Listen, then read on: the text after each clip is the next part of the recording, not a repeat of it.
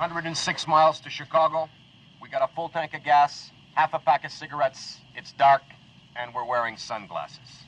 Hit it.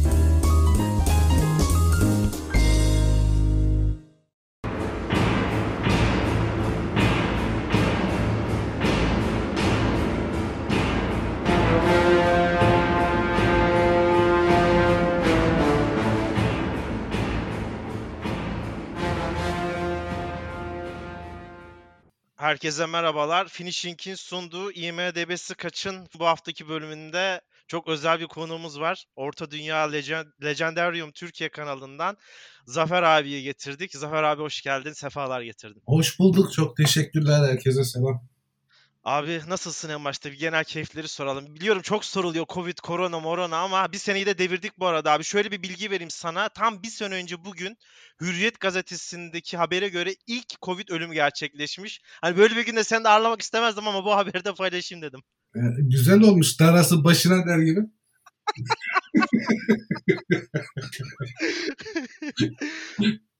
ya, Abi ya buyur abi. falan bir şeyim yok. Ee, Yani sorunum yok. Yani hastalanmadım yani. Hı hı. Yani zor bir süreç tabii herkes için hemen her açıdan. Umarım artık sonu gelmiştir yani en azından bir yıl daha sürmez hani ama onun haricinde de işte çekimler, videolar, Cem, Dilek öyle geçiyor vakit. Zaten şey de başladı artık. Üçlü program işte Murat abilerle falan. Hmm. Bir misafir olayı. Onu da bugün izleyebildim. ikinci bölümünü. Ağzına sağlık bu arada. Müthiş bölüm olmuş. Bol bol, bol numara, numara hakkında bilgilendik.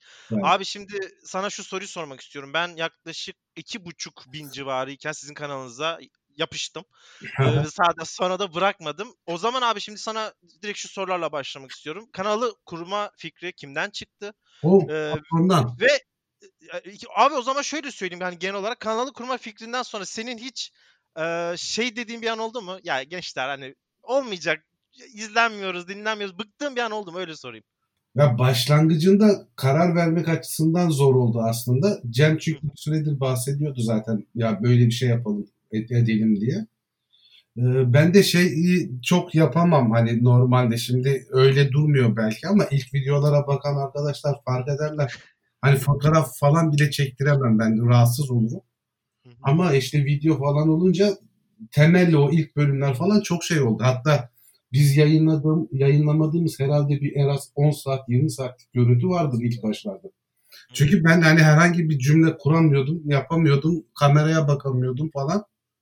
O, o aşama biraz sıkıntılı oldu ama şey e, ne derler bu işin yapılmasının başlangıcı fikir babası falan patrondur Cem'dir.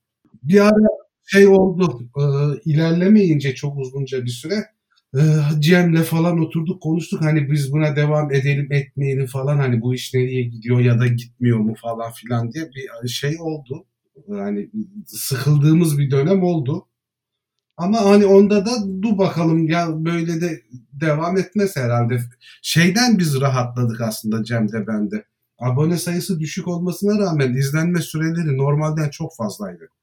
Evet abi. Hani Neredeyse abone olan herkes izliyordu. Ha işte hani öyle olduğu için hani biz biraz oradan da ya bir şey farklı demek ki falan diye düşündük. Öyle ısrar ettik.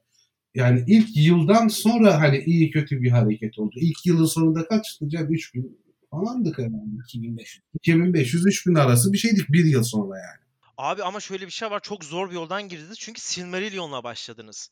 Bu gerçekten şey için, Orta Dünya severler için zaten Silmarillion'u sen yüzlerce defa videolarında da söyledin. Zor bir kitap, okuması da zor. Aslında içine girdiğinde ben Yüzük Efendisi'nden çok daha zevkli bir kitap ama içine girene kadar olan süre içerisinde sıkılabiliyorsun defa. Ya ben de bırakmıştım en başta okuduğumda. Daha sonra müptelası oldum ama abi sizin Silmarillion'la başlamanız en başta izleyicilerde şey olabiliyor. Hani ben mesela okuduğum için direkt hani ilk videodan başlayabildim ama hep ya %80'i insanların Sauron, Aragorn hani daha böyle popüler o mainstream'e yakın olduğu için biraz bunun da etkisi olmuş olabilir ama daha sonra baktığında da abi tersten inanılmaz bir külliyat olmuş durumda. Çünkü Silmarillion'la ilgili bu kadar çok bilgi bulmak, bir done bulmak da açıkçası oldukça zor. Ya bir de bunu Türkçe bulmak da çok zor. Zaten şeye baktım abi sen e, belki dikkat etmemişsindir. Yani çok yoğunsun ama ilk videolarınızdaki izlenme şimdi normal takipçiniz arttıkça onlar da e, insanlar şeye bakıyor. Ya dur bakayım bu kanal nasıl açılmış falan. Onlarda da artmaya başlıyor. Ha, Evet. Şey gibi abi, dolar al 5 sene sonra değerlenir dersi tamamen şu an eski videolarda o moda girmiş durumda.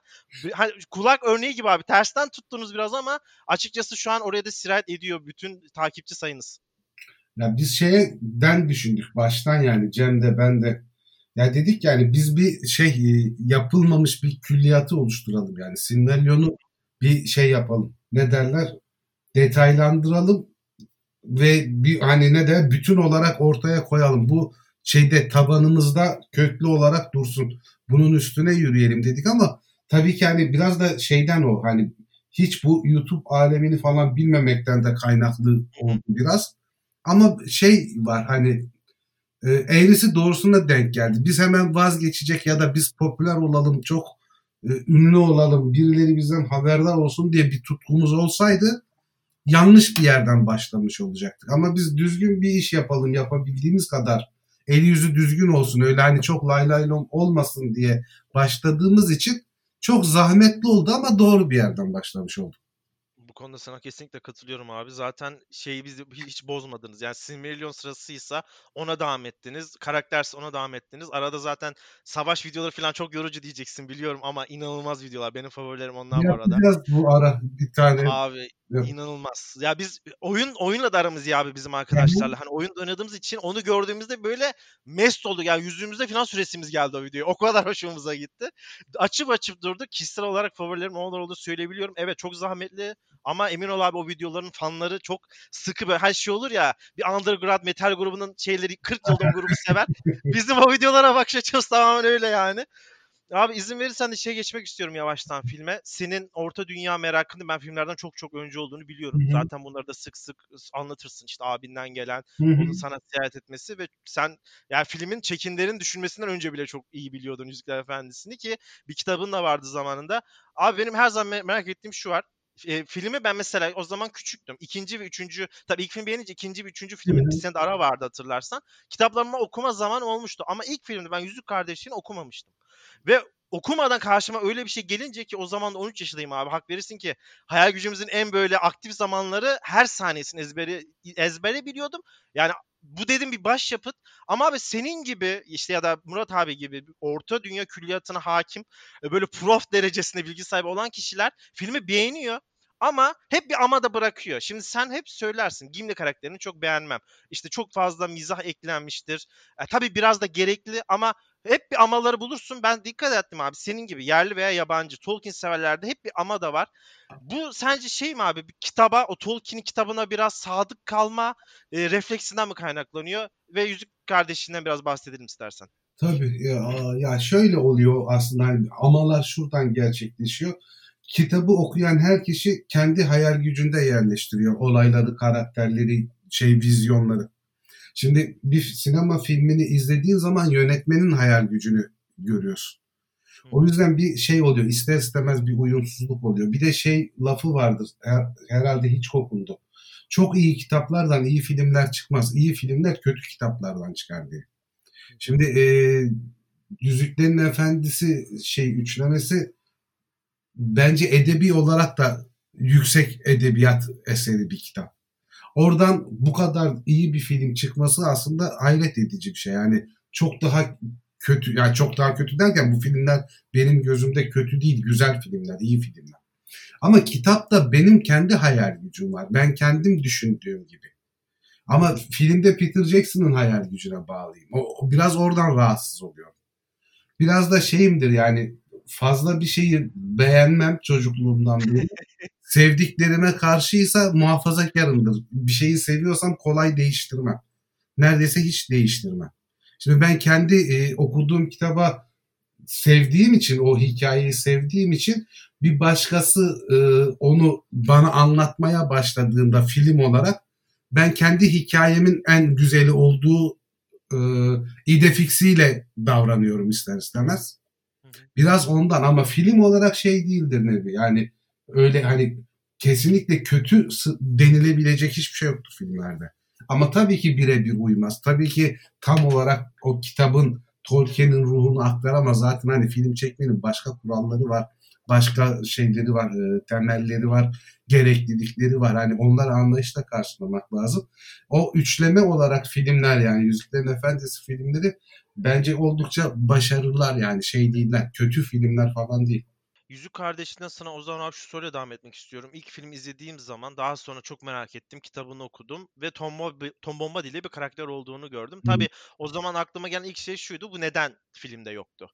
Ve bayağı şey moduna girdim. Niye çıkardı? Alçak adam, hain adam. Bu karakter çıkarılır mı? Çünkü abi hak verirsin ki. Hani senin yanında böyle de yorum yapmak biraz utandırıyor beni ama çok büyük bir karakter aslında Tom Bombadil. Tamam sayfa olarak çok az yer kaplıyor ama tartışması çok büyük bir karakter. Çünkü belki de Tolkien'in bilerek böyle yani millet biraz trollemek için bıraktığı bu bak senelerdir tartışılıyor. Herkesin ayrı bir fikri var. Ve abi ya işte yaş aldıkça biraz da o fikir demlenince şu moda girdim ben. Tom Bombadil çıkarmak aslında çok mantıklıymış. Çünkü biz bile yani ben senin Tom Bombadil videonu izlediğimde de hala herkesin aslında uzlaşamadı. İşte biri Tolkien der, biri Tanrı der, biri Eru der falan bir sürü o- ortak uzlaşamayan bir alan var ve şu abi şu katılır katılır mısın? Sana şu soruyu sormak istiyorum. Kitabı okumamış biri sence tak diye Tom Bombadil'i görse ve o hani extended'ı varsayalım 13-14 saatlik bir maratonda o Tom Bombadil'in hiçbir yere bağlamadığını görse biraz kafası karışır mıdır? Peter Jackson da sence bu yüzden mi çıkarmıştır? Bu kadar önemli bir karakteri. Tabii film süresi ve benzeri şeyler de etkileyebilir. Ya Peter Jackson e, bazı şeyler hani eklemiş çıkartmış ister istemez kendi aksına uysun, akış aksına uysun diye. Tom Bombadil'i gerekli görmemiş. Tom Bombadil'in şöyle bir gerekliliği vardır. Onu Peter Jackson başka bir şekilde çözüyor. İşte Tom Bombadil'in, o o şeyden ormanından geçip höyüklerde höyüklü kişilere yakalanıp onların Tom Bombadil tarafından kovalandıktan sonra onların hazinelerinden kalan özel kılıçlar ellerine geçer işte şeylerin e, Pippin ve Merry'nin. O özel kılıçlar sayesinde Witch King Nazgul Kralı öldürülür aslında. Ayağına saplanmasının sebebi zaten özellikle e, Witch King Agman Krallığına karşı yapılan savaşlarda kullanılsın diye büyülü kılıçlardır, kamalardır onlar. Yani Tolkien kendi hikaye dizgisinde Tom Bombadil'i ve höyüklü kişileri koyarak e, sonuçta e, şeyin Merry'nin e, şeye Nazgül Efendisi'nin kirişlerine, bacak kirişlerine o bıçağı sokmasını ve bu şekilde Eowyn onu öldürmesini sağlar. Ama şeyde Peter Jackson bu işi buradan bağlamaz filmde. Aragorn şeyde Amansul tepesinde bunlara o küçük kamaları hediye eder. Kendilerini korumaları açısından. Şimdi e, çıkartılması kitabı okumayan biri için hiçbir şey ifade etmez. Haklısın. Yani çok çünkü çok hani doğru bir geçişle bir şeyle devam etmiştir. Onun eksikliğini hissetmezsin. Ama Yüzüklerin Efendisi'nde kalmayıp bütün şeye hani ulan Tolkien başka neler yazmış falan diye merak edenler için Tom Bombadil'in eksikliği o zaman filmlerde etkisini gösterir. Ama bu şey değil yani yönetmeni karalayacak ya da filmi küçültecek bir kritik değil yani aslında. Hı hı. Yani bunda bir ben de öyle yani Tom Bombadil olsaydı daha çok isterdim tabii ama olmaması şey değil yani çok Bir büyük şey kayıp değil. Evet. Anladım abi. Sen peki hani videonda da e, söylemiştin ama bir kere daha istersen burada da bir kaç dakika konuşalım. Senin tezin nedir Tom Bombadil'in kim olduğu hakkında? Ha, en çok yakınsadığın e, fikir Ha, yani en benim aklıma gelen şey Tom Bombadil yani orta dünyanın zamanıdır gibi. Daha Zamanın soyut bir karakter yakıştırıyorsun Evet, yani yani. zamanın kendisidir. Bombadil zamanı ifade eder orada. En yakını o gibi geliyor ama hani böyle kesin bir bilgim de yok sonuçta yani. Ama hani benim kendi hissiyatım üstüne düşündüğümden çıkarttığım şey Tom Bombadil orta dünyanın za- zamanın kendisidir orta dünyadaki. Çok şey bir felsefi bir yorum işte ben seviyorum böyle fikir alışverişlerini. Bazı şeylerin de senelerce bir şeye bağlanmaması çok canlı tutuyor. Daha da çok seviyorum böyle finale gitmeyince onlar. Yani 100 yıl sonra da 2400 senesinde de biri Tom Bombadil hala konuşsun. Bitmesin yani o tartışma benim inanılmaz hoşuma gidiyor.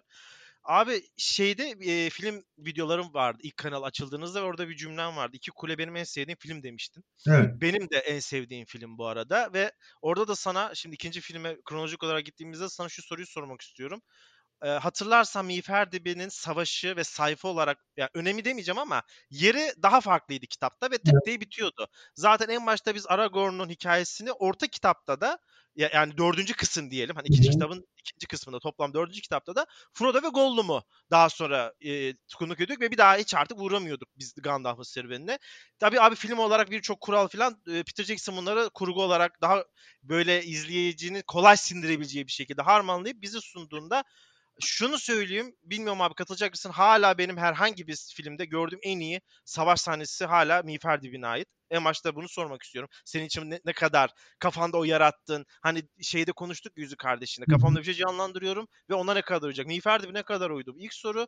İkinci sorum da abi yine bu Mi- Miğfer Dibi'nde aslında ilk filmde de var işte Arwen eklemesi ama ikinci filmde çok daha konuşulan sahne elflerin yardıma gelmesi. Bu kitapta olmayan bir sahne. Ama genel olarak baktığında çok etkileyen e, ve mesela benim arkadaşım var kitabı ben daha bugün konuştum işte seni alacağımızı konuk olarak söylediğimde bu sahne yarısında kitapta yok dedim ve çok şaşırdı aa dedi. Ama çok da hoşuna gitti o ekleme. Bu gibi güzel eklemeler de var. Sen bu tür küçük eklemeleri nasıl karşılarsın? Çünkü senin gibi külliyata kişiler daha muhafazakar oluyor. Ne kadar tolere edebilirsin deyip biraz iki kuleden bahsedelim istersen. Yani görsellik olarak çok güzel. Oradaki yani inanılmaz Kızıl Ordu düzeniyle hareketleri falan hani bir de çok zor durumdalar böyle hiç umulmadık bir şeyin e, desteğin gelmesi kendini o tarafa ait e, ifade eden Aragorn'la Legolas yeni tartışmış, ortam gergin. yani böyle bir her şey aşındırılmış aşındırılmış bir kuyuya doğru gidiyorsun. O sırada senin o kuyudan çıkman için bir şey ip sarkıtılmış gibi bir hissiyat oluyor. Ha, o bakımda hani film olarak düşünürsen başarılı bir şey yani o sahne de çok güzel bir sahne. Şeye katılıyorum ben de yani Miğfer Dibi'nin savaş sahnesi şeydir bence de yani dünya sinema tarihindeki en önemli 3-5 savaş sahnesinden biridir. iyi çekilmiş savaş sahnesinden biri. Yani çok çok iyi bir şeydir o bence de. Yani ben de öyle düşünüyorum. Ha ben şey iyi ne derler elfleri falan eklemek istemezdim. Yani ben kendim çekiyor olsaydım onu yapmazdım. O zaman şöyle bir kayıp oluyor çünkü ana hikayeden e, artık 3. çağın sonlarına geldiği geldiğimizde şey değil artık elfler bir ordu oluşturabilecek güce falan sahip değiller ne yazık ki. Orta dünyada çok az kalmış durumdalar. Yani kendi bölgelerini e, muhafaza edebilmek yüzükler sayesinde işte Lorien'de, Ayrık Vadi'de falan o bile neredeyse bütün güçlerini e, harcamalarına neden oluyor. Sadece kendi kentlerini tutabilmeleri için bile yeterli sayıda değiller artık. Orada bir mantık şeyi var, boşluğu var ama filmin kendi iç tutarlılığında hiçbir şeyi e, ne derler gölgede bırakmıyor ya da kötülemiyor. Film kendi mantığı içinde öyle bir durumun olması aksine filmin akıcılığını kolaylaştırıyor ve görsel olarak da çok güzelleştiriyor. Anladım abi dedin. Yani şunu demek istiyorsun sanırım. Yanlış anladıysam lütfen düzelt. Peter Jackson kitabı kabul edip filmi kendi içerisinde paralel bir sanki orta dünya evreni yaratıp onun içinde farklı tutarlı ama farklı bir dünya yaratıyormuş gibi yorumluyorsun o zaman değil mi Çok sanırım? Nüanslarla tabii yani Yüzüklerin Efendisi hikaye yani fena da bağlı değildir yani ortalamanın üzerinde bir sadakat vardır Yüzüklerin Efendisi filmlerinde asıl esere. Yani o açıdan da çok büyük yıkıcı eleştiriler yapılmasına gerek yok benim açımdan. Ama hani tabii o filmin kendi bütünlüğü içinde, görselliği içinde merak uyandırmalar, hüzün vermeler ya da coşkunluk sağlamaların fırsatlarını e, kaçırmayacak kadar da iyi bir yönetmen Peter Jackson. Onları yani fark edebilmiş ve yerleştirebilmiş onları. Narsen'in gelişi, Elrond'un ziyaret edişi falan hikayeleri var. Yani o kitapta öyle değildir. Yani Narsen şey şeydedir zaten Aragon'dadır. Yani Elrond getirip onu şeyde vermez. e, savaş sonrası vermez. Elrond şeye Miğfer dibine Miğfer dibinden sonra Dunharrow eteklerine falan hiçbir zaman gelmez. Çünkü Elrond zaten 3. çağ boyunca neredeyse ayrık vadiden çıkmaz. Hep oradadır. Abi üçüncü filme gelelim istersen yavaştan. Kralın Dönüşü. Burada e, Peter Jackson'ın Ölüler Ordusuna pek de sıcak bakmadığını bahsetmiştik. E, sen de uzun uzun anlatmıştın zaten. En başta sana şunu sormak istiyorum. Sen nasıl bakıyorsun? Yani mesela sen e, Peter Jackson olsan veya işte sen yönetiyorsun abi. Üçüncü film yönetmeni sensin. İkinci filmde Peter Jackson hastalandı. Zafer dedi gel filmi yönet. Ölüler Ordusu'nun denklemi çok bozduğunu düşünüyor abi senden öğrendiğimiz kadarıyla Peter Jackson ve pek de sıcak bakmıyor ama tabii ki onu yok sayamaz. O zaman da büyük karmaşa çıkar. En başta abi senin Ölüler Ordusu'na bakış açını bir duymak isterim. Çünkü gerçekten bir yüksek bir güç. Filmdeki mi kitaptaki mi ölülerin ordusuna bakmak? Abi ayrı ayrı bakalım istersen. En başta filmdekine bakalım. Filmin ordusu hikayesi çok güzel hikaye. Filmde de güzel hikaye. Filmde de çok işlevsel bir görev yapıyorlar. Kitapta da çok işlevsel bir görev yapıyorlar aslında. Peter Jackson'ın çekincesi şu yani hepimizin aklına gelebilecek soru yani külliyatı bilmeyenlerin ya da Tolkien'in e, göndermelerinin dayandığı noktaların Tolkien paradigmalarının farkında olmayanların sorabileceği yani büyük bir çoğunluğu sorabileceği haklı bir soru var. Bunlar ölü, ölmüyorlar. Aragon serbest bırakmadan azat edilemiyorlar. E gidip neden gemileri alıp işte şeyde e, filmdeki gibi gidip Minas Tirith'in kurtarılmasına yardım ettikten sonra gidip bir de Sauron'un bütün askeri kuvvetlerini öldürmüyorlar gibi bir soruyla muhatap olmak zorunda. Bunu yapan, o, o işe yerleştiren kişi. Bu sıkıntı Peter Jackson o şeye bu tür bir soruyu sürekli cevaplamak istemiyor ya da kendi yaptığı şeyin açıklamalarının açıklamalarını yapmak istemiyor muhtemelen. O yüzden de biraz şey çok da istemiyor ölüler şeyini. E, kitaba gelirsek zaten kitapta e, Aragon ölülerin ordusunu Perari limanlarında Umbar korsanlarından gemileri aldıktan sonra azat eder zaten. Yani Minas Tirith savaşına falan ölülerin ordusu gelmez. Direkt orada ilk ve tek yaptıkları iş gemileri ele geçirip Umbarlıların, Haratlıların korsan gemileriyle Minas Tirith'e ekstradan bir Sauron kuvveti olarak gitmelerini engellemek. O gemilerde de toparlayabildiği kadar e, kendi adamlarını, kendi askerlerini gemilere doldurarak Minas Tirith'e daha kısa yoldan, deniz yolundan gidebilmektir. Şey sorusu bizim şeye de kanala da çok gelir yani. Abi niye serbest bırakıyor ki zaten? Abi aynısını soracaktım. Al şunu kara kapıya niye gitmiyorsun kardeşim gibi sorular beliriyor bir insanın kafasında. Çünkü izlerken. oradaki asıl savaş şey değildir. Ordular arası bir savaş değildir. Ordular arası savaş ikincildir. Tali savaşlardır. Orada yüzük yok edilmediği sürece günlük kazançlar haricinde herhangi bir şey kazanamazsın. Sadece günü kurtarmış olursun. Minas Tirith'i o sırada kurtardığın gibi. Yüzük yok olmadığı sürece savaş bitmeyecektir ve Sauron yok olmayacaktır. Diğer savaşlar aslında sadece ne derler günün koşullarını mecbur tuttuğu savaşlardan başka bir şey değillerdir. Asıl savaş yüzüğün varlığı ya da yokluğu savaşıdır. E, peki şey ne diyorsun genel olarak bakıldığında hani şimdi 3 3 filmden de çok az konuştuk. Ee, şimdi birkaç tane abi genel hem kitap hem filmi kapsayacak birkaç soru sormak istiyorum sana. Mesela dün abi bir tane makalede okudum. Ee, işte Yüzüklerin Efendisi'nin sonunda Frodo'nun başarısızlığından bahsetmiş. Yani biraz da beyin fırtınası yapmış. Aslında Frodo başaramadı. Yani işte orada bir rastlantısal diyelim, kadercilik diyelim ki birazdan Tolkien'de bu kadercilik acaba var mı diye soracağım. Abi genel olarak çok ya sen çok sevmezsin böyle sorular. Hani çok keskin cevaplar gerçekten Tolkien'e de çok uymuyor ama sadece şunu sormak istiyorum sana. Frodo çok yüzeysel olarak baktığımızda başarısız oldu diyebilir miyiz? Hani kendi görevini tamamlayamadı diyebilir miyiz? Edilgen bir şekilde çünkü sonuca ulaştığı için. Frodo'nun görevi yüzüğü yok etmek olarak kabul ediyorsak Frodo görevinde başarısız olmuştur. Son tahlilde yenilir. Ama Frodo'nun görevi yüzüğü oraya götürmek ve kaderin e, tecellisi açısından Frodo'nun bu görevi almak zorundalığı ve oraya varmak zorundalığı olarak düşünürsen görevini tamamlamış olur. Zaten yani bir hobbit için yani normal mantıkla baktığın zaman günümüzden yani sen, ben, Ahmet, Mehmet, Ayşe, Fatma yani bu işin meraklısı herhangi bir okuyup baktığı zaman Frodo'dan bunu beklemek bile aslında o kadar abes bir şey ki. Yani Frodo'nun yüzün etkisine girmeden bütün o bölgeyi ve mecburi olarak neredeyse yani Sem'in inadı olmasa tek başına geçmesi tam Mordor'a kadar gitmesi Mordor'da Orodruin Dağı'ndaki o şeye uçurum kenarına altından lavların aktığı yere kadar varıp oradan yüzüğün atması. Yüzüğü atabilen kimse yok zaten. Yüzük Gollum tarafından da atılıyor değil ki sonuçta. Yüzük Gollum eline geçiyor, Gollum onu ele geçiriyor ve düşüyor.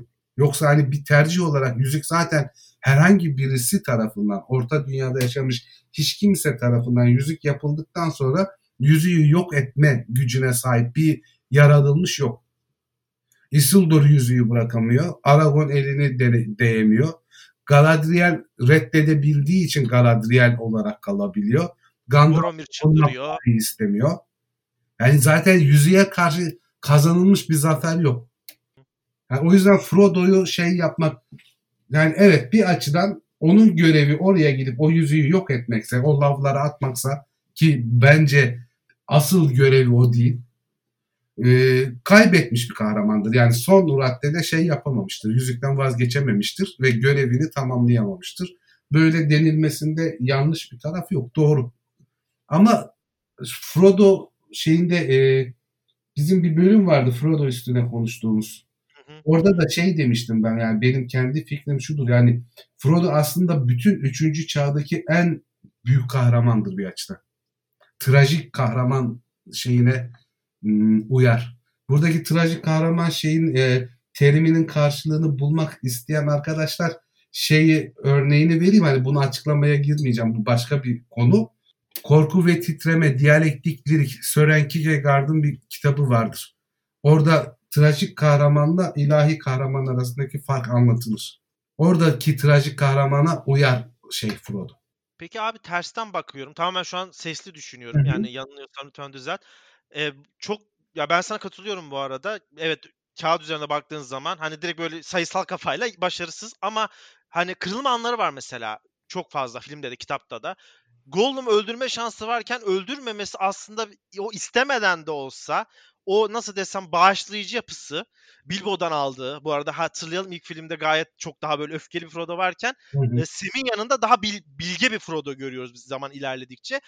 Peki abi sence hani Gollum'u öldürmemesi ve sonuçta kendi bilmeden o Gollum'un öldürmemesinin hikayeyi tamamlaması da istemeden de olsa Frodo'nun kendi kendine yaptığı bir asist olabilir mi peki? Yani sesli bir suya yazı yazıyorum şu an. Ya bu soruların yani çok daha eski şeyleri var e, aslında. Bu soruların kaynağı çok daha eski. Tolkien'de de bu durum var. Yani Hristiyanlıkla da başlar bu sorular aslında. Yani hikaye şudur. E, mutlak bir kaderimi yaşar yaratılmışlar. Bir kader e, kaçınılmazca öyle olmak zorunda olduğu için mi öyle olur? Yoksa özgür irade var mıdır sorusu bu aslında. Bu çok uzun bir mesele ve çok da hani Yüzüklerin Efendisi meraklıları sadece Yüzüklerin Efendisi meraklıları yani işin fantastik boyutunu önemseyen büyük kalabalıklar için falan hiç de e, ne derler gerekli, anlamlı ya da hoş konu değil. Ama aslındaki hikaye odur yani özgür irade kavramını şey yapmak lazım, bakmak lazım. Yani onun içinde ta şeye o stoacılara falan gitmek, Evet. Aziz Thomas, Aziz Agustinus hikayelerine falan bakmak gerekir.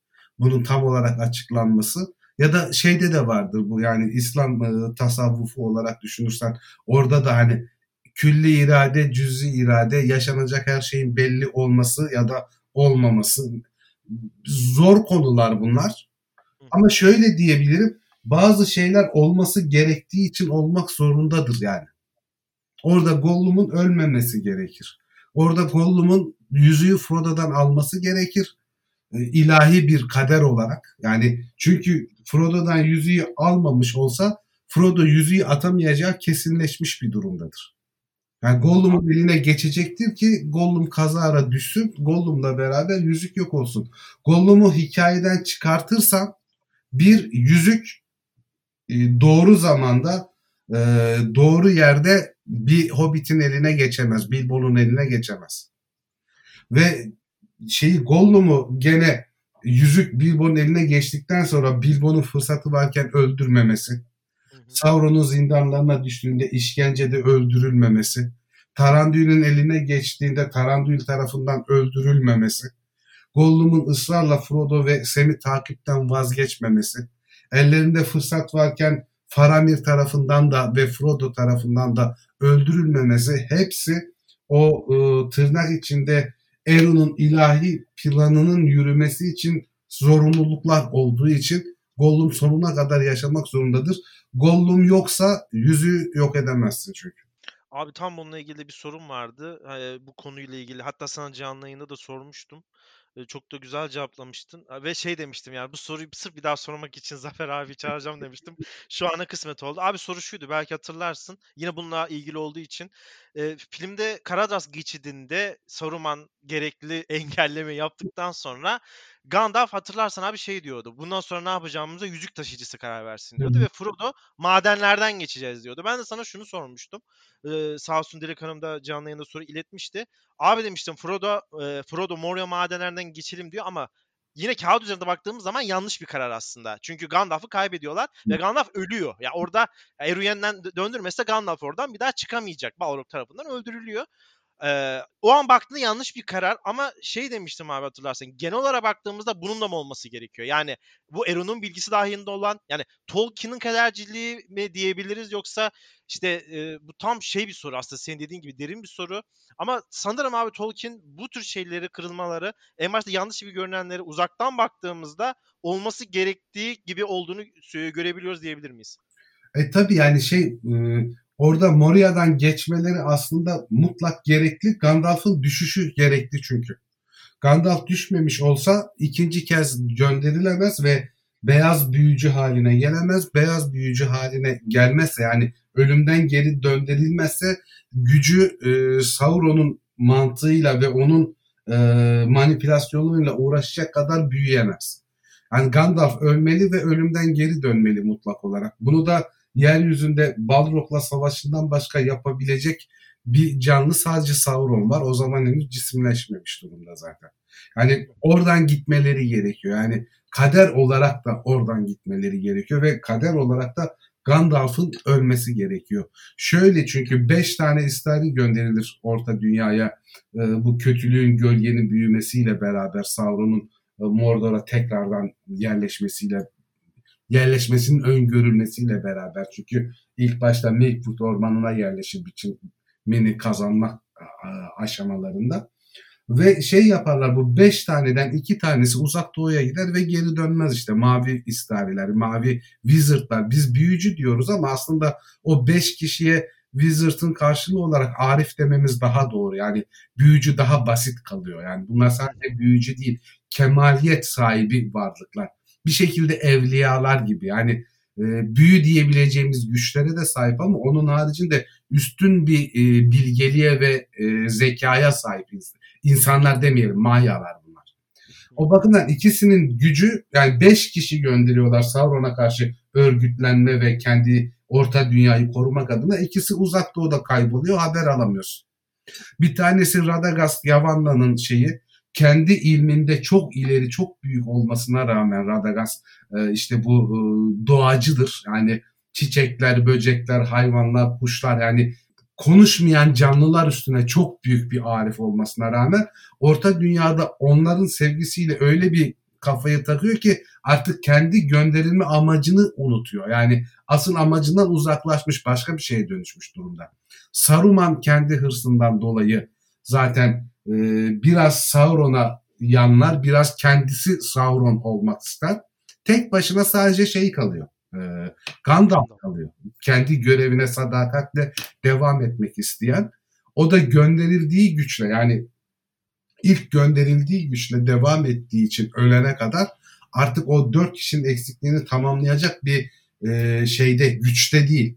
Ancak ölüp Eru tarafından geri gönderildiğinde diğer hepsinin gücü kadar bir güce sahip olarak görevini tamamlama şansını yakalıyor. O bakımdan evet yani Gandalf ölmeli ama geri dönmeli.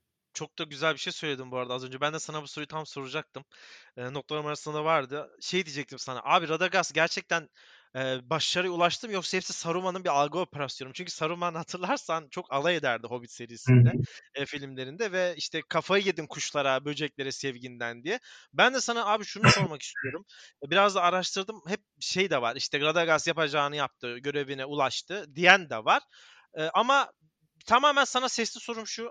Bir Arif dedik ve zaten sayılı Arif var. Yani sayıca baktığında bir elin parmağı kadar var.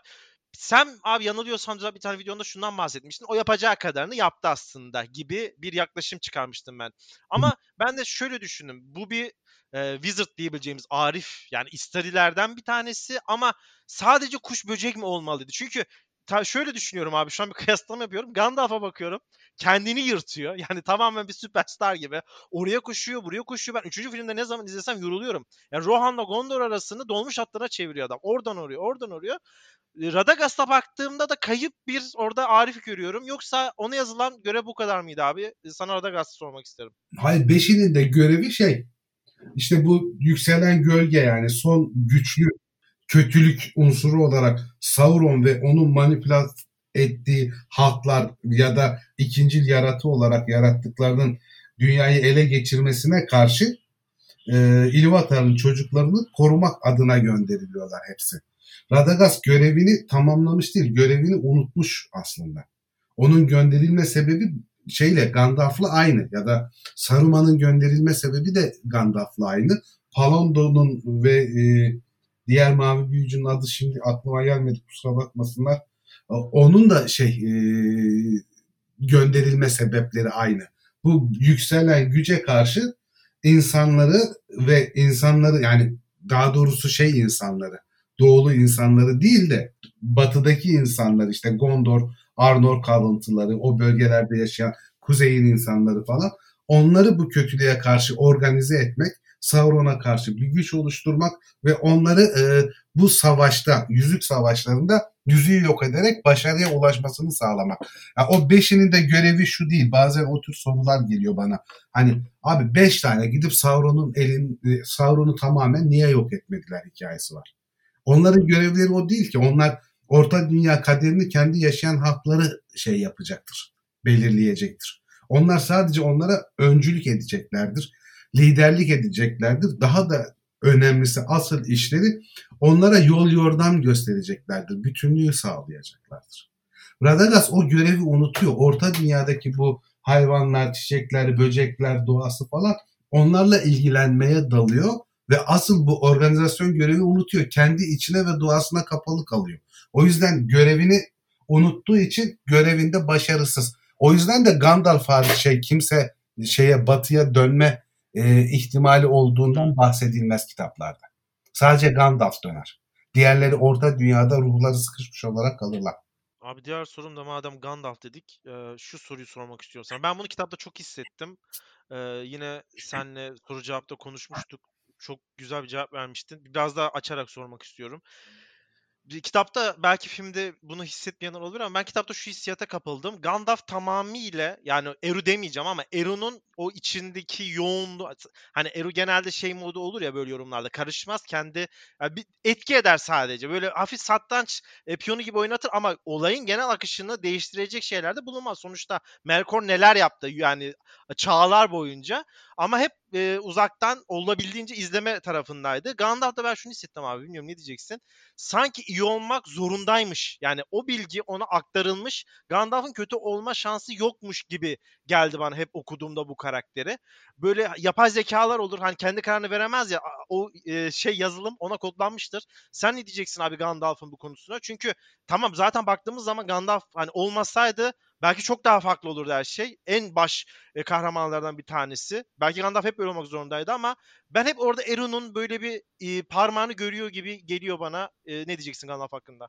Eru'nun bütün planında kendi parmağı var ama plan kurulduktan sonra planın işlemesine karışmaz. Eru'nun karıştığı e, yani Ea'nın yaratılmasından sonra Eru'nun birebir karıştırdığı, karıştığı tek olay Nümenor'un çöküşü. Yani ikinci çağın sonudur. Onun haricinde kendisi direkt olarak hiçbir şeye müdahale etmez zaten. E, bu çağda da müdahale etmez. Gandalf'ın durumu şöyle. E, ne Orhendo ile Palando'ydu herhalde. Mavi büyücüler dedi. Evet abi. Doğuya gidip ses. Doğuya gidenler. Onlar Orome'nin e, mayaları, yardımcıları. Onlar onun eğitimini almış kişiler. Ondan eğitim almış kişiler. Yani avcılık, cesaret, savaş, önderlik gücü falan. Saruman şeyin e, Aule'nin manyası Sauron gibi. O da işte üstün beceri, fen bilimleri, e, ne derler el becerisi, e, yani bir bilim adamı, bir e, araştırmacı, çok başarılı bir e, zanaatkarın ötesinde buluşu icat eden bir eğitim almış durumda. Radagast Yavanna'nın mayası. O da işte doğa üstüne, hayvanlar üstüne o el var ve ol var denir onlara ta birinci çağa gittiğimiz zaman. Yavanın hareket eden canlılar ve duran canlılar diye sınıflaması vardır. Onların uzman. O Yavanlı'dan onların eğitimini almış bir kişi. Gandalf'ın durumu değişik. Gandalf ilk başta zaten yani temel olarak asıl bağlı olduğu Vala Manve yani Ea'nın kralının yardımcısı. Ondan bir kere yönetsel, kadersel şeyleri, e, eğitimleri almış birisi. Ama onunla beraber yani tek bir eğitmeni yok. Nianna'dan sabrı ve kaderi öğrenen birisi. Sadakati öğrenen birisi. Lorien bahçelerine çok gider. Lorien'den e, zamanı anlar falan. Yani multi kompleks bir eğitimi vardır Gandalf'ın. Diğerlerinin tek tür bir eğitimi vardır. Onlar uzmandırlar, branşlaşmışlardır. Gandalf branşlaşmamıştır. Genel bilgiye sahiptir. O yüzden Gandalf'ı diğer İsraillerle karşılaştırmamak lazım. Gandalf'ın Vala olan öğreticileri hayata dair hemen her konuda başka başka bir şeyler, yani ölüm üstüne, hayat üstüne, zaman üstüne, yönetim üstüne, kader üstüne ayrı ayrı Vala eğitimleri görmüş birisi. Multi komplekstir Gandalf. Diğerleri sadece uzmandır. Uzman oldukları şeyi bilirler. O yüzden şeyi karıştırmamak lazım. Gandalf'ın hikayesiyle diğer İsrail'in hikayesi aslında birbiriyle alakalı değil. Yani bugün hep aynı örneği veriyorum. Çevremde de sıkıcı oluyorum biliyorum ama mesela uzmanlaşma öyle bir duruma gelmiştir ki çağımızda mesela bir kardiyolog diye genel olarak kalbin hemen her yerindeki sorunu ya da işleyişi bilebilen insanlardan sadece kalp kapakçıkları üstüne uzman olup kalbin diğer bölgeleri hakkında o kadar da bir şey bilmeyen şeylere dönüştü. Ama şey değil işte e, Gandalf öyle değil. Diğerleri öyle. Kendi eğitimleri üstüne çok büyük bilgiye, inanılmaz detaylara sahip. Yani Gandalf Radagast kadar ağaçların ruhunu anlamayabilir. Gandalf Saruman kadar yüzüğün gücünü ya da herhangi bir şey üretmeyi, bir şeye e, ne derler kendine yüzük yapmayı bilmez. Ama bütün şeye çerçevesi çok geniştir. Yani şöyle diyelim Nietzsche'nin dediği gibi orada İsrailler arasında bilim ve bilgeliğin savaşı vardır. Gandalf bilgeliği temsil eder, diğerleri bilimi temsil eder. Müthiş bir cevap oldu abi. Gayet tatmin oldum şu an öyle söyleyeyim sana. Abi izin verirsen de son Yüzüklerin Efendisi üçlemesinden soruyu Gandalf'ın e, çok Gandalf'a çok sempatiyle bakan her zaman Saruman'la ilgili sormak isterim. Abi şimdi çok güzel bir yerde dedin. Yüzük bilgisi zaten yani bunun bununla ilgili kafayı kırmışlar. Nasıl Radagast, bitki, bilim, böcek, börtüyle kafayı kırmışsa Saruman'la bu bununla ilgili kafayı kırmış adam. Abi sana Saruman'la ilgili iki sorum var. Birincisi şu. Ben filmdeki Saruman'la kitaptaki Saruman'ın biraz farklı olduğunu düşünüyorum nedense. Böyle e, film ya Christopher Lee'den çok bağımsız bence. Olağanüstü bir. Yani Saruman zaten o olmalıydı bence. Başka düşünemiyorum bile ben. Ama filmdeki Saruman direkt e, Sauron'un etkisi altında kalmış ve onunla onun gücünden biraz e, argo bir tabir olacak abi tırstığı için e, yüzüğün peşine düşmüş bir Saruman var. Ama kitapta benim okuduğumda ya bel- belki ben yanlış yorumlamışımdır. Sen çok daha uzmansın. Sa- Sauron'a müttefik taklidi yapıp aslında yüzüğün gerçekten peşine düşmüş biri gibi geldi bana. Bu doğru mu? İlk soru abi. İkincisi de şu. Sa- eğer bu değilse yani gerçekten Sauron'un e, şey etkisine girdiyse ki Sauron zaten etkisi altına gir- girilebilecek bir güç. E, öyle bir kudreti var bu kadar abi yüzük hakkında irfanlaşmış biri, alimleşmiş biri nasıl bu hatayı yapabilir? Yani yüzüğü en sadece onu hükmedeceğini zaten e, herkes biliyor. Yani yüzük sadece Sauron'u dinler. Bu yanılgıya nasıl düşmüş olabilir Saruman eğer gerçekten yüzüğe etkisini geçirebileceğini düşünmüşse? Şey diyelim hani daha tatmin edici bir cevap olması açısından sıkıcılığı göze alıp aslında fuzi mantık diye bir mantık vardır. Yani biz aslında genel olarak eğitimimiz, dünyaya bakışımız günümüz insanları içinde Tolkien zamanı içinde, çağımız içinde şöyle bir durum vardır. Bir şeye işte siyah ve beyaz ya da siyah veya beyaz diye şey yapıyoruz, bakıyoruz. Hani otomatik olarak böyle üstüne düşünerek değil. Yani bir şey ya bir şeydir ya bir diğeridir falan gibi böyle. Aristo mantığını millet konuşurken çok hani e, ne derler o çok eski onlar falan gibi ukalalıklar yapmasına rağmen yaşam pratiğimizde hakikaten bu mantıkla hareket ediyoruz eğitim sistemlerimizle falan. Bu Türkiye'ye özgü bir durumda değil. Oysa e, tanrısal bir duruma geçildiği zaman inancın için işine girmesi bilgiyle beraber e, saçaklı bir mantık oluşturur. O şöyledir yani siyah ve virgül veya beyaz olabilir. Yani Saruman'ın durumu şudur.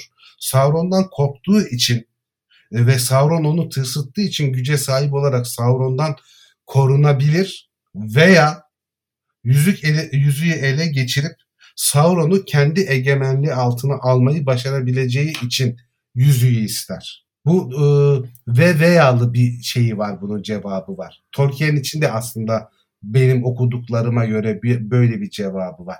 Zaten kitaptaki hikaye şudur. İlk başta yüzüğü Sauron bedenleşmeden evvel direkt kendisi ele geçirebilse zaten yüzüğün gücüyle beraber Sauron'u da kendine dahil edecektir ve Sauron'un efendisi o olacaktır. Şeyden korkma meselesi şurada başlar. Palantirler üzerinden Sauron'la e, iletişimi kurunca e, Sauron'daki Palantir'le ve kendi Palantir'iyle, Ortanç Palantir'iyle Sauron bunu güç olarak ezer.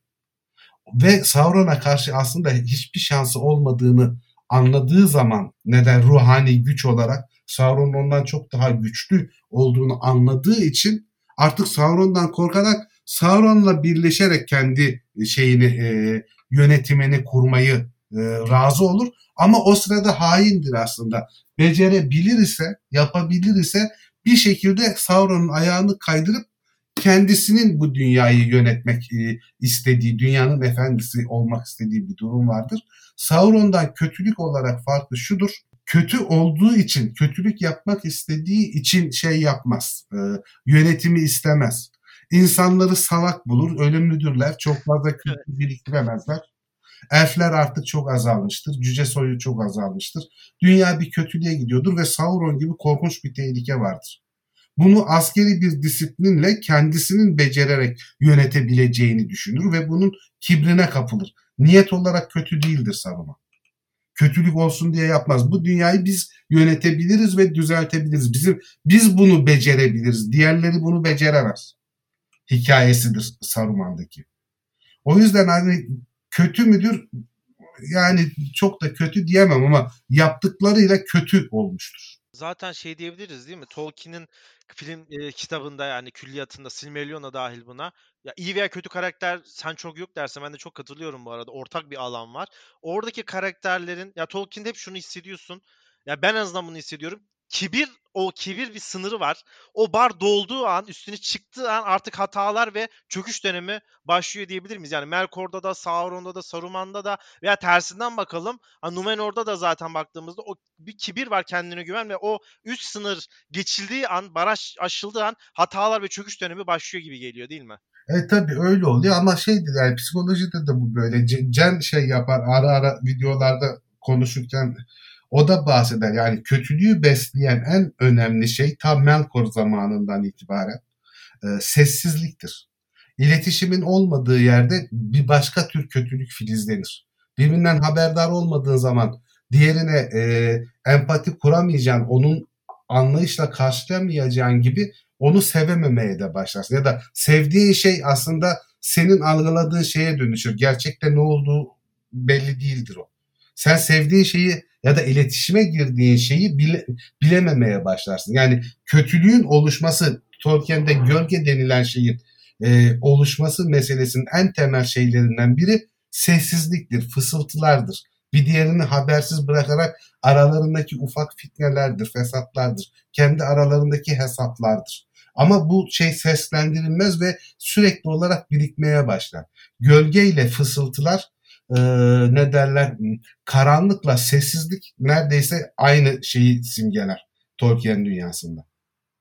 Bu şey sessizlik, sessizlik, sessizlik, konuşmamak, bilmemek, etmemek kötülüğü yoğunlaştıran durumlar. O yüzden Tolkien'de aslında hani kötü ve iyi meselesinden daha çok kötüye neden olan durumlar ve iyiye neden olan durumlar vardır. Kimi çok iyi niyetle yapılmış şeyler büyük kötülükler getirdiği gibi çok kötü bir eyleminde iyi sonuçlara çıktığı gözükür. E, istersen şeyden bahsedelim biraz. Hobbit fiyaskosundan. E, yıllar geçti. Hobbit'i de tabii okuduk, ettik. Yani senin için e, siz- sizin gibiler için diyelim. Orta Dünya zaten külliyatına bir masal. Aslında Yüzük Efendisi'ne göre, filmlerine göre çok daha yüzeysel bir masal. Ama abi hatırlarsan süreçte her şey ters gitti. Yani en başta Del Toro geldi. Kendisini çok severim. Ama o işte tam ortadayken ayrıldı. Peter Jackson geldi. İki filmken üç filme çıkarıldı derken o Yüzüklerin Efendisi'ndeki maket sistemi yerini CGI'ye bıraktı ve abi bilmiyorum fark ettin mi ama Yüzüklerin Efendisi çok da eski olmasına rağmen daha yeni görünüyor şu an Evet. Hobbit'ten. E, Hobbit çok hızlı eskidi ve hiç böyle bir video oyununa dönmüş bazı efektleri. E, sen hep şey dersin abi e, burada işte mesela az önce Elf örneğini verdik. Nilüfer'de Elflerin gelişi aslında çok da hikaye etkilemeyen küçük tatlı dokunuşlar. Ama abi burada e, hep şundan bahsedersin. Hikayenin bütünlüğünü veya sizin gibi özellikle külliyata hakim biraz daha muhafazakar bakanları çok rahatsız edici. E, mesela Cüceyle Elf aşkının geçmişi, Cücelerle Elflerin geçmişte olanları bilenler o aşk hikayesine asla giremezler. Hı. Bunun gibi değişiklikler de pek e, geçmedi seyirciye. Genel olarak abi e, senin için Hobbit'te neler yanlış gitti? Ya Hobbit'te neler yanlış gitti? Hobbit'te bir kere yani Tolkien'in kendi e, şeyleri, önergeleri ve o önergeler üstünde kurdukları değerler, erdemler hikayesi tamamen göz ardı edildi. Kendi e, sinema mantıklarına göre eğlenceli bir şey yapmaya çalıştılar. Hani o her şeyi bozdu zaten. Yani şey diye düşünebilir arkadaşlar. Bunu videolarda da söylemiştim. Mesela Elf'le cüce aşkını biz tek taraftan görüyoruz genelde izleyenler. Ya o kadar güzel bir kadın tutup da şu şey ne derler 1.50'lik cüceyi nasıl sever diye düşünüyoruz tamam mı? Ama şöyle bir durum var. Irklar arası estetik beğeni farklı bir şey. Zaten bir cüce de bizim güzel yani ağzımızın suyunu akan elflere falan bakıp da onlara şey yapmaz yani aşık olmaz. Onun Evet. estetik değerleri farklı. Yani bir cüce de elfe aşık olmaz zaten. Hani sadece elfler cücelere aşık olmaz değil. Cüceler de elflere aşık olmaz. Başka estetik kaygıları var. Yani oradan bir kere tamamen saçma sapan bir şey yaratmış oldular. E zaten ta- şey Taruel diye bir karakter yok Hobbit'lerde. Öyle bir şey yok yani. Hiç olmayan bir karakterin var olması var orada. Şimdi olan bir karakteri hikayenin genel akışına e, çok müdahale etmeden ve bozmadan o karakterin hikayenin ileriki safhalarında e, göndermelerini başka bir şekilde tamamlayarak çıkartmak başka bir şey. Tom Bombadil'de olduğu gibi. Ama hiç olmayan bir karakteri ortaya koymak başka bir şey. Çünkü bu sefer onun üstünden bir örgü yaratman gerekiyor. Yani o tamamen saçma sapan bir durum. Hani Hobbit filmlerini şöyle diyeyim ben. Hani Tolkien kitabının bir e, aktarımı olarak falan düşünmeden, bir derin bir hikaye beklemeden oturup izleyecekse bir, bir kişi bu tür şeyleri sever işte kılıçtı, cücelerdi, Evet. biraz Nordik hikayelerdi, biraz Kelt hikayesiydi, biraz e, Orta Dünya hikayesi yani bu haberdar olup böyle şeyleri seven kişiler çok eğlenceli bir film olarak izleyebilirler. O açıdan kötü değildir ama bu Tolkien'in bir eserinin yorumlanmasıdır falan gibi olunca o şey yani saçmalık seviyesine düşüyor artık. O açıdan bakılmamalı. Yani hiçbir e, e, ne derler edebi değeri olmayan bir şey aktarılmış. Ya tamamıyla düz bir seyirlik. Yani şu izleyelim de eğlenelim. 3 saat gözüne bakarsan iyi bir film. Ha, evet, Ama eğlenirsin. evet aynen abi. Derinlere girersen ortalığı orada işler çirkinleşmeye başlıyor. Eğlenirsin derken şöyle de bir durum var. Yani çok derin sinema izleyicisindir falan. Zaten eğlenemezsin. O başka evet. Ama hani ne kardeşini götürürsün. Şey, kendin küçüksündür. Dediğim gibi bu kılıç kalkan oktu. Karşılıklı küçük inatlaşmalar, sevimli şeyler, e, atışmaları falan sevip süper kahramanlara bir merakın varsa taşlar üstünden yürüyen Legolas gibi falan olur. Yani o otur izle. Ama şey olmaz yani şöyle diyeyim eli yüzü düzgün bir popüler yönetmenin iyi bir filminden haz alan bir adam Hobbit filminden haz alabileceğini zannetmiyorum. Abi peki şöyle sorayım o zaman sana madem Hobbit'ten bahsettik. Şimdi Yüzükler Efendisi filmi zaten 2001 yılından ya 20 sene oldu ama etkisi hala devam ediyor. Nerede kim görse kanalı değiştirmez ve kalır. Ondan sonra abi Game of Thrones durağına uğradık. Zaten Yüzükler Efendisi sevenlerin çok büyük çoğunluğu Game of Thrones'u da beğendi. Orada bir Game of Thrones'cu tayfa oldu. İşte onlar Yüzükler Efendisi'ni çok beğendi. E zaten fantastik aslında özüne baktığımızda sen de hep söylersin ben de çok katılırım. Farklı şeyler anlatıyorlar. Biri daha böyle entrika vari, biraz daha diplomasi. Yüzükler Efendisi başka bir şey ama hep içinden bir şey buluyor zaten. O kolay bir empoze hali var. Şimdi Game of Thrones durağı da bitti ve yeniden Yüzükler Efendisi'nin dizisine uğrayacağız. E, artık çok az kaldı abi. Yani bu sene büyük ihtimalle bir daha dördüncü dalga, beşinci dalga olmazsa bu sene artık Yüzükler Efendisi dizisiyle e, el sıkışacağız. Şimdi sana şunu çok merak ediyorum. Çünkü senin gibi işte filmi zamanında çok katı bir şekilde bekleyenler. Çünkü hep şey bakarsınız ya işte Gimli ne kadar değişmiş, şu ne kadar değişmiş, ne kadar o ruhu vermiş. Abi sana sorum şu. Zaten bize çok fazla bilgi gelmiyor hala. Sa- hep tahminlerle gidiyoruz. Yani Sauron'un işte yüzük yapıldığı, Celebrimbor'la olan dönem hep bir tahminler. Ne kadar izin verirsin abi? Yani tamam senin mesela çok beklenti yok. Benim de bu arada hiç yok. Ben çok oynanacağını düşünüyorum ama senin beğenmen için tolere sınırın ne kadar? Miğfer dibindeki elfler kadar mı? Yoksa yine böyle bir cüce şey elf, şey görürsen e, ya, ya ka, tamam kardeşim deyip ben bunu izlemiyorum diyeceğin o sınır ne senin için? Ya şöyle diyeyim yani Tolkien'e aitse durum yani o Tolkien üzerinden bu diziyi değerlendirecek olursak e, beğenebileceğimi zannetmiyorum hikaye bazında. Çekimlerdir, sanat yönetmenliğidir falan yani oyunculardır onları bilmiyorum. Yani onları görmek lazım. Ama hikaye bazlı düşünürsek Tolkien e, yaratısı olarak düşünürsek hiçbir beklentim yok. Ama e, hani dizi kendi içinde o tutarlılığı sağlar, kendi tutarlılığını sağlar. Çok da e, garip değişiklikler yapmazsa Taruel gibi Hobbit'teki yani hiç olmayan şeyleri dahil etmezse ama mesela zenci bir elf kullanacaklar ama zaten ikinci çağda olan bir elfin ırkını siyahi yapıyorlar diyelim. Hani ona tahammül edebilirim. Yani ona da çok laf söylemem. Çünkü hani bizim bildiğimiz gibi değil bu işler. Cem iyi bilir bu sinema falan işleri. Bana göre çok daha iyi bilir.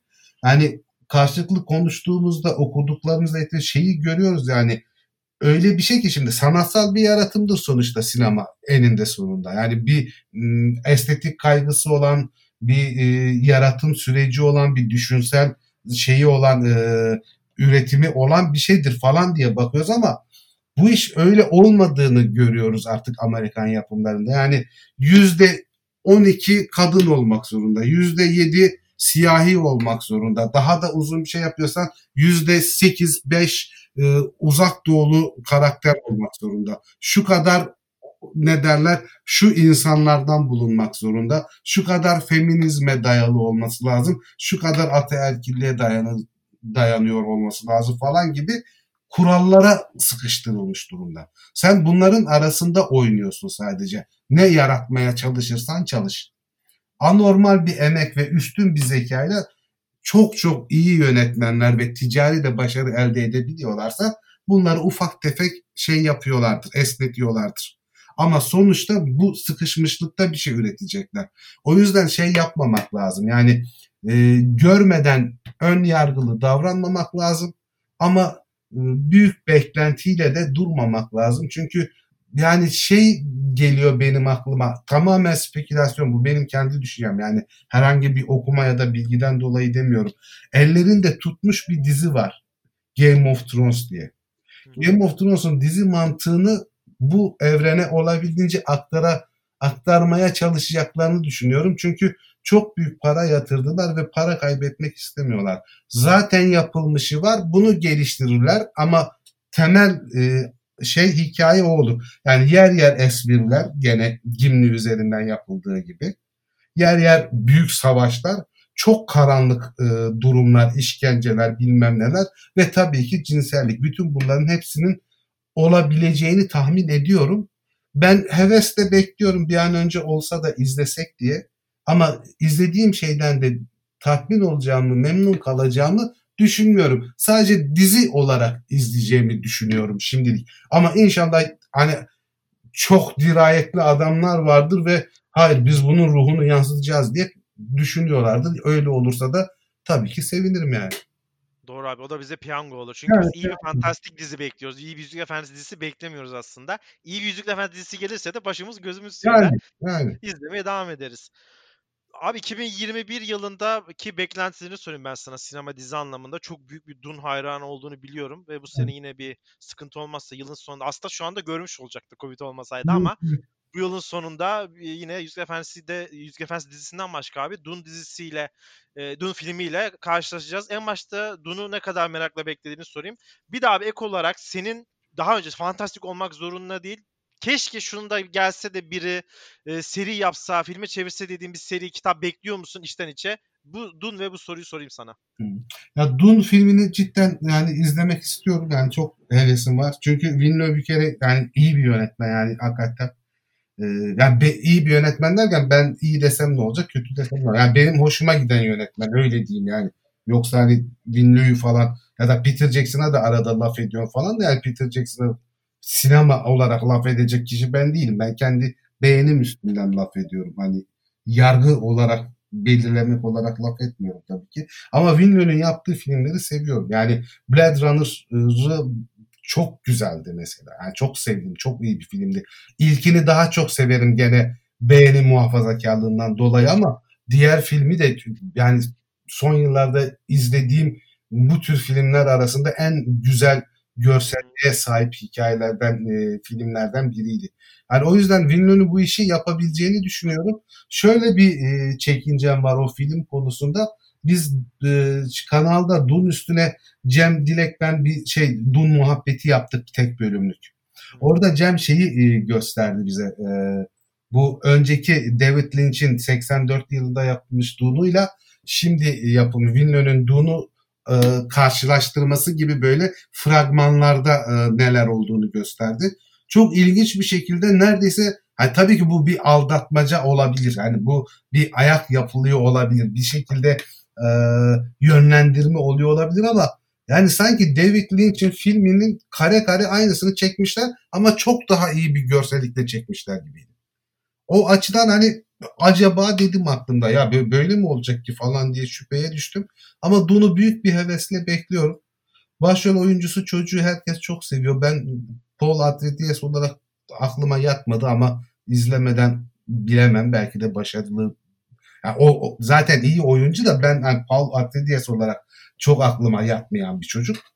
Hani o belki de şey yapacak yani kafamdaki Paul Muaddip şeyini e, değiştirecek. Yani bu sefer o, abi evet bunun gibiymiş de olabilir. Yani onu bilmiyorum ama şu anda ona biraz şeyim kılım uzağım. Ama şimdi çok şey yapıyorum yani Duna çok hevesim var. Zaten yani gene şey yapayım hani çok kişisel durumlardan bahsetmeyi sevmiyorum ama çöle büyük hayranlığım var benim çöl hikayesine. Yani çölün kendisini seviyorum. Ve o yüzden de hani o, o manzarayı görmek bile çok memnun olacağım bir şey olacaktır ki Villeneuve gerçekten çok iyi bir yönetmen o açılardan. Başka bir şey var mıydı Nebi? Yani şey, sorunun devamı var mıydı manasında? Şey olarak abi böyle senelerdir beklediğin bir seri, şunu gelse bir Aha, kitap evet. olarak e, şey yönetmen gelse de çekse dediğin bir kitap serisi var mı? Parlayanları böyle çok el yüzü düzgün ama şey gibi değil yani diziden bahsediyoruz değil mi? Şey film olarak dizi. Dizi abi aynen. Dizi. Pardayanlar çok güzel olabilir böyle çok eğlenceli, çok epik, çok tatlı bir hikaye olarak Pardayanlar izlenebilir. Çünkü yazımı da öyle yani çok mu derin, inanılmaz böyle bilgi verici, kendini aşan falan öyle değil ama okuması inanılmaz keyifli bir seri ve yani ben çok seviyorum. Kitap olarak da çok seviyorum. Çekilmesi de çok zor olmayacaktır. Yani sonuçta kıyafetler ve kılıçlar atlar üstüne bir durum. Vakıf serisi Asimov'un yani o da olur. Ama onu tabii çok çok büyük bütçeyle belki ve çok evet. büyük yönetmenlerle yapmak lazım. Hani o kitabın ihtişamına yakın bir görsellikle yapılırsa muhteşem olur vakıf serisi. O, o da çok iyi olur. Şey derdim ama o hani onu artık yani çekebilecek en iyi kişi çekti yani 2001 uzay macerası. Abi evet o üst sınırda şu an onu yani, geçemeyiz. Ya onu onu geçemezler gibi geliyor. Artık onun çekilmesine gerek kalmadı yani.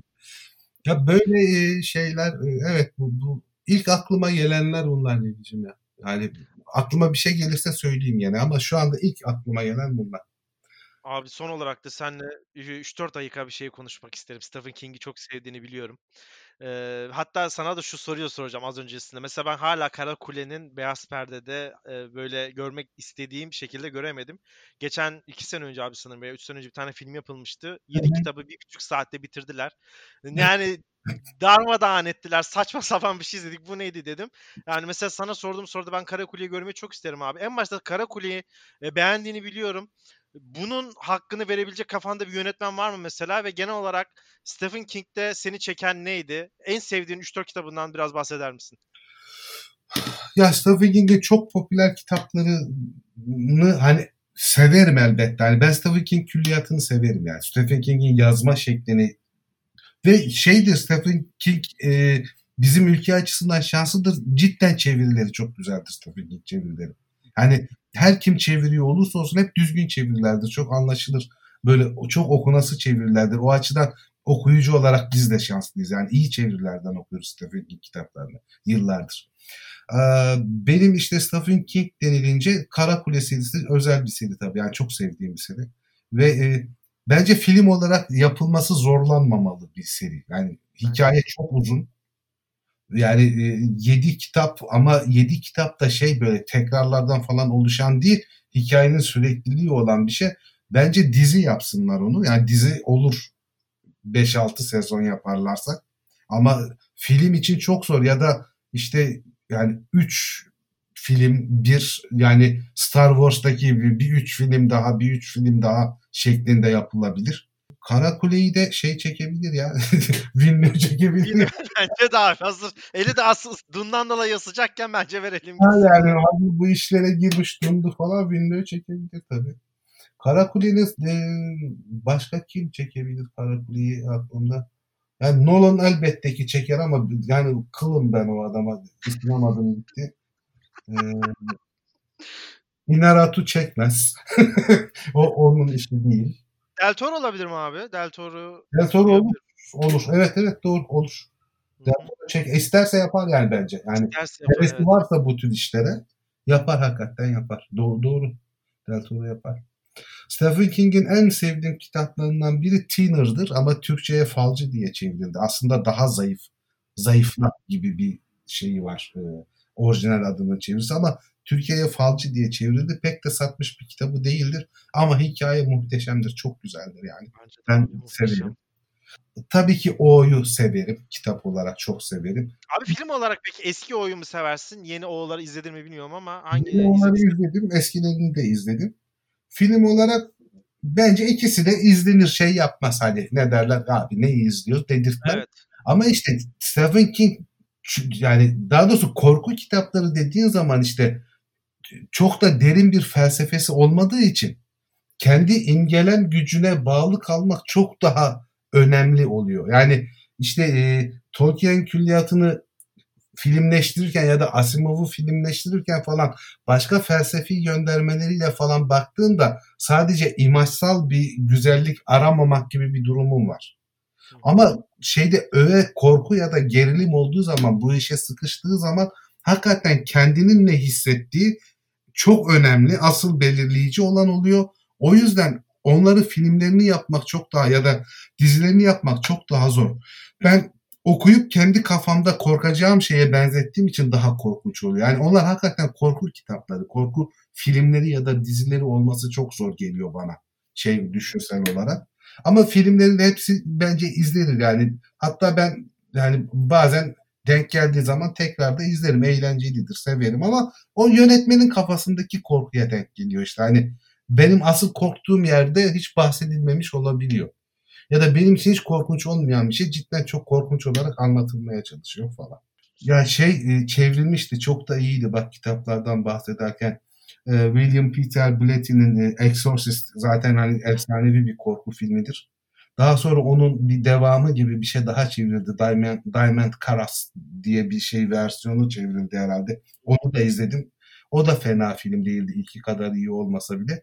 Ama o kitabı sadece bir korku kitabından öte bir psikolojik gerilim olarak anlatan bir film yapılabilirse kitaba olabildiğince sadık kalarak çok iyi film olur ondan da bence. Katılıyorum abi. Yüzde yüz aynı fikirdeyim. Zaten çok sub- subjektif şeylerden insan korkabiliyor. Hı hı. Mesela ben yani bir filmde hamam böceği görmem benim için yeterli. Yani bu başkası yatak altından korkar. Biri kafa arkasından korkar ya. Mesela ben o it filminde de örümcek sahnesinde çok zorlanmıştım. hı. Ee, aynı şeyi Sırlar Odası'nda da yaşadım. Ama başka biri çok daha farklı bir şeyde çok subjektif bir alanda kalıyor korku. Ne kadar çok sirayet ederse de o kadar çok başarılı oluyor. Ben de dediğine katılıyorum. Ee, son olarak da abi sana şunu sormak isterim. Ee, şimdi Yüzükler Efendisi çok arafta kaldı. Hani döner mi dönmez mi Hobbit dolayından biraz küskün artık orta dünyacılar. Star Wars'u Mandalorian biraz tersine çevirme başarısına erişti ki orada da son üçleme çok büyük bir hayal kırıklığı yarattı. Son olarak abi programı kapatmadan önce de Star Wars hakkında e, Mandalorian'ı izledin mi? E, izlediysen beğendin mi? Birkaç cümlede onun hakkında alayım. Ya şimdi bu son 3 film var ya e, çevrilen Star Wars diye. Yani e, Mandalorian şöyle o filmleri izledim ben üçünü de o son üçünü de izledim. Şimdi onları izledikten sonra Mandalorian bayağı şey gibi yani e, akademi ödülü alır falan hissi yaratıyor yani. Ö- öyle bir bezdirmişler ki ruhsal olarak Mandalorian'a herkes aman Allah'ım falan diyor. Yani aman Allah'ım falan değil. Mandalorian'ı soğukkanlı izlersen aslında yani hakikaten yani 15'er dakikalık küçük hikayeler gibi bir şey ama hiç olmazsa atmosferi düzgün. Yani Star Wars'u o bizim anladığımız, bildiğimiz şekilde görebilme şeyimiz var. Yani bir şeyleri hissettiriyor falan bize. O üç film yüzünden Mandalorian'a Grammy ne bileyim altın kile bilmem ne falan verirler hayranlarına denk gelirse. Ama aslında o kadar değil Mandalorian'da. Mesela şeyler çok büyük handikap. Şu ıı, gezegenlerde ım, şey geldiğinde Baba Fett'in oğlu geldiğinde falan.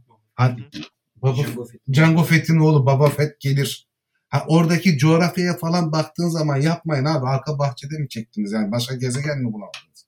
Ha, oradaki çimenlik alanı, tepeye şeyi, bebeği koydukları şey çok güzel. Yanları bayağı şey yani piknik alanı gibi bir coğrafyası var. Yani böyle hataları var ama son 3 filme bakarsan yani hakikaten şey yapıyor gözlerin doluyor yani evet ya. ama o biraz ondan hani ölümü gösterip sıtmaya razı etmek gibi bir şey. Evet şey gibi bakın beni beğenmezseniz arkamda bu var dedikten sonra yok abi sen kal sen böyle iyisin deme zorunda kalıyoruz. Çok şanslı bir anda geldi kendi adına. Tam enkazın üstüne geldiği için ne yaparlarsa beğenecek umuttaydık. İnşallah hani daha toparlarlar bundan sonrası daha düzgün olur falan yani bu iş böyle e, gitmez. Hayır bir de şey yani insan kendine de acımıyor. Hani şimdi 10. filmi çekecekler. Gidip gene armut gibi izleyeceğiz. Sinir Tabii. de geri dönmeyecek yani. Yazık bize de yazık yani. Tamam dayanamayıp izliyoruz ama çok fena yani. Yok abi izleyeceğiz ondan kaçıyor. 2030'da yine çıksın yine küfür ederiz izleriz abi. Artık Aynen orada öyle. ruhumuzu verdik. Ama hiç alakası kalmamıştı. Yani o üç film hakikaten yani cenazesini kötü bir şekilde defnettiler. Yani şey yaptı. O üç filmde bütün Star Wars hikayesini şey yapmışlar gibi. Hastalıklıymış gibi yani e, toplu mezarlara gömüp üstüne kireç attılar gibi bir hissiyat oldu bende yani. O bakımdan çok yani Mandalorian evet yani onlara baktığın zaman hakikaten çok harikaydı falan denilebilir o gazı. Zafer abicim ağzına sağlık. Çok teşekkür ederim. Zamanını ayırdın. Konuk ettik seni de. Çok Ee, ilk ederim ben de sağ soru cevapta ben zaten kafa yazmıştım seni. Bir gün çağıracağım çağıracağım diye. Ve bekledim sinsi gibi bekledim bekledim ve bu ana kısmetmiş. Bizim benim için. Çok teşekkür ederim Nebi sağ olasın. Sohbetine sağlık abi. Hem Boss'a hem de Dilek Hanım'a bol bol selamlar diyelim. Onların da selamı var. Gene görüşmek üzere diyelim. Herkese de de sevgiler. İnşallah iyi yıllar. Çok teşekkür ederim. Biz bizi dinlediğiniz için çok teşekkür ederiz. IMDb Kaç'ın yeni bölümü Zafer abi Orta Dünya üzerine yaptık. Ee, çok sağ olun. Herkesin yeni yeniden kutlu olsun. Hoşçakalın. İyi akşamlar.